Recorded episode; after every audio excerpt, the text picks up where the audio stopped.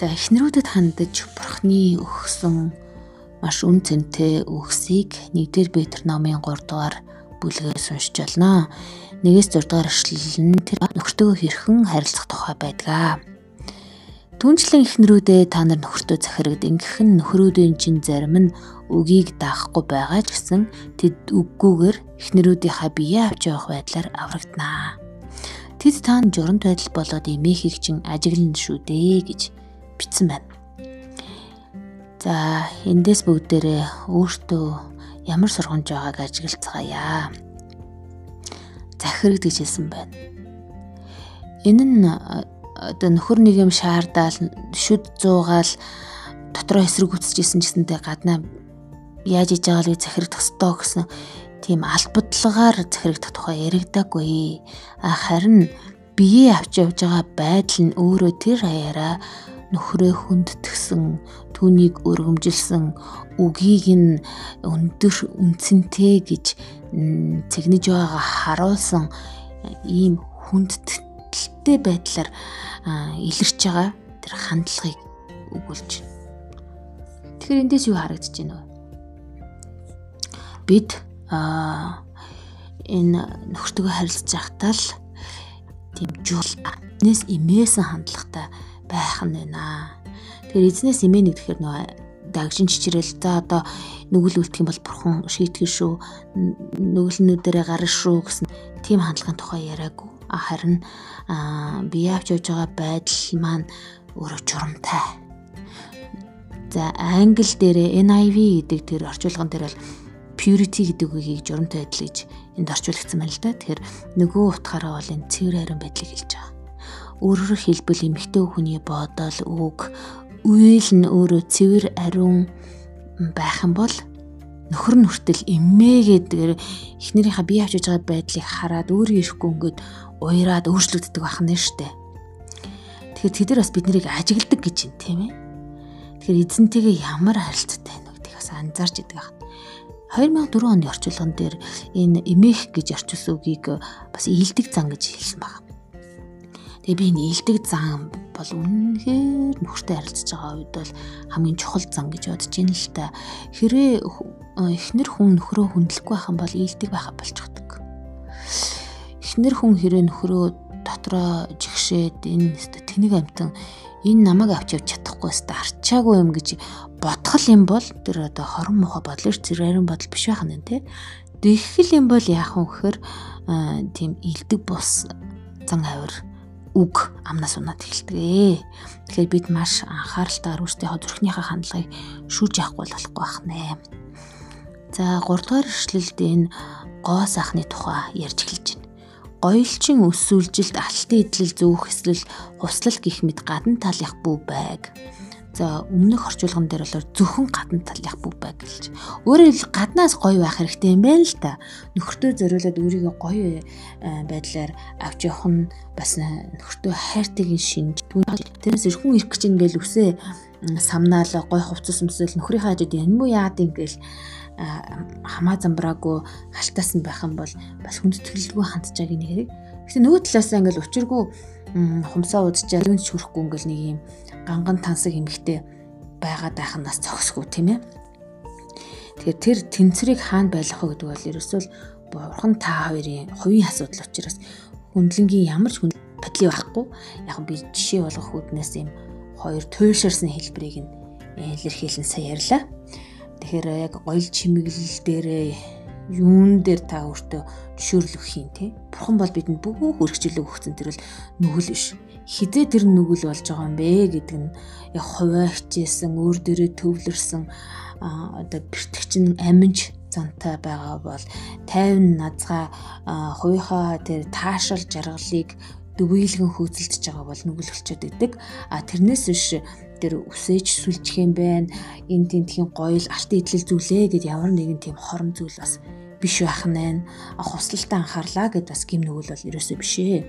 Харин зөвхөн үүн дээр битгий төлөөч нухацсан хүнийг дүлгөөн ба даруй сүнсний мөхшгүй чанараар гоё гэж хэлсэн байна л та.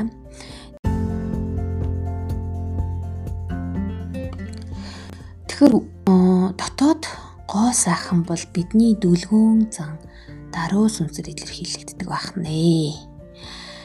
Тэр өөрөө мөхшгүй бурхны өмнө асар үнцэнтэй тийм чанар гэж байгаа байхгүй. Тэгэхээр бид гаднаа ямар гоё байгаа нь яг тийм зан чанарыг дотроо төлөвшүүлэх нь их чухал юм байна л та. Тэгээ тэр доторх тэр алтчиг сайхан чанар нь өөрөө юм ийдэг даруй зангаар илэрхийлэгддэг бахнэ. Нөхөртөөгөө харьцахтаа дээрэнгүй, шоолонгуй, басамжлангүй хандлагатай байх юм бол энэ дүлгөөн даруугийн эсрэг болчихно шүү дээ. Тэгэхээр чин ширүүн одоо бардам эмхтэн дүр төрх гараад ирж байгаа байхгүй юу? Тэгэхээр яах нь вэ? Бид энэ өөрийнхөө тэр төрлөх мөн чанар маань хэрэг ширүүн тийм бардам байгаа бол бурхны өмнө очиод тэр дүлгөөн даруй гүн чанарыг өмсөх хэрэгтэй юм байна. Тэрийг бол бурхан өгнө. Тэр э, Христийн зан чанарыг бидний дотор төлөвшүүлж, Христийн дүр төрхөөр биднийг шинжилэн өөрчилж идэг учраас бурханаас гуйхал юм бол хүсэлт нь нийцсэн гуйлт учраас бурхан бидэнд хариулж бидэнд өгдөг байх нэ. Тэгэхээр урд өмнө нь бас энэ жишээ байна л да. Тухайлбал дээр үед энэ ариун эмэгтэйчүүд нөхрүүдтэй яг ийм сайхан хандлагаар ханддаг байсан байна. Тэгээ тэр э, цэвэр ариун, даруу, журамт хандлагаараа өөрсдийгөө гойдог гэсэн. Тэр нь өөрөө маш их үнцэнтэй гоёл болж исэн байна. Бурхан тэдний зүр сэтгэлийг нь хараад ямар гоё юм бэ гэж талархаж, баярлаж ийм л эмхтэй эзнээс таашаал авнаа гэж тунхагласан байт юм бэ. Тэр Сара гэдэг эмхтэй Авраам нөхөртөөгөө яаж харилцдаг байсныг бурхан бол яг энэ дуулууртай байдлын энэ асар их үнэтэй э, дотор нуугдсан тэр сайн сайхан хүнийг илэрхийлж байгаа юм хтэй гэж хэлсэн байна. Тэгэхээр Сара болохоор амьдралын томоохон шийдвэрүүд дээр бол э, нөхрийгөө дуулууртай дагж исэн э, эмэгтэй байна. Тэгэхээр мэдээж нөгөө талаасаа бас бид нэр сохроор яг энэ сараг шүтэж болохгүй яа тэгэхээр сара амьдралдаас гаргасан алдаанууд тэр их хагар гэдэг бүр бол татвар эмми нөхөртөөгөө унтуулж дундаас нь хүүхэд гаргаад тэрийг өргөж авч өөрийнхөө аргаар бурхны тэр хүүхэдтэй болгоно гэсэн амлалтыг хийх гэж оролцсон тийм алдаа бас байгаа юм л да. Тэгээд үүний балгаар одоо бүхэл бүтэн одоо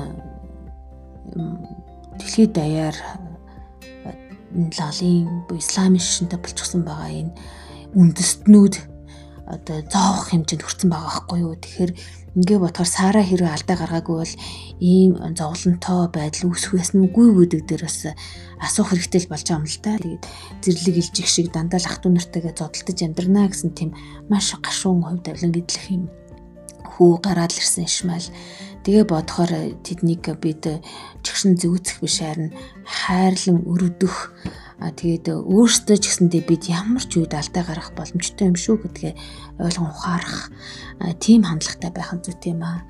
Нөгөө талаас хагаар эзэн бурхантай бас харилцаж исэн. Бурхан бурхан гэж дуудаж исэн. Ишмаилыг эзэн бурхан өөрөө өрөөж исэн. Тэр түүхийг бас Библиэс унших боломжтой учраас бид бас итгэн дагж байгаа тэр хүмүүст энэ бурхны үннийг хүргэх нь өөрөө маш том үйлчлэл, маш том ажил байгаа. Тэгэхээр энэ Сара бол ямар ч аюулаас айхгүйгээр зүвийг үлдчихсэн эмэгтэй байгаа байхгүй юу. Хэрэг та нараас яг тэх юм бол тэр эмэгтэй хүүхдүүд болно гэж хэлсэн. Өөрөөр хэлбэл одоо Сара бол бурхны хүүхдүүдэд үлгэр жишээ болсон эмэгтэй ах юм байна. Ингээ харахаар ямар ч аюулаас айдаггүй тийм шин чанар байгаа байхгүй юу. Тэгэхээр энэ эмэгтэй бол юм нунж дорой үлбэгөр э, айсандаа нөхөртөө захирагддаг эмэгтэй харин ч бүр ямар юмнаас айдгүй тийм зөрөгтэй байхгүй юу? Аюулаас ирсэн огт айдгүй яа. Тэгэхээр тэр итгэл байгаа зориг байгаа.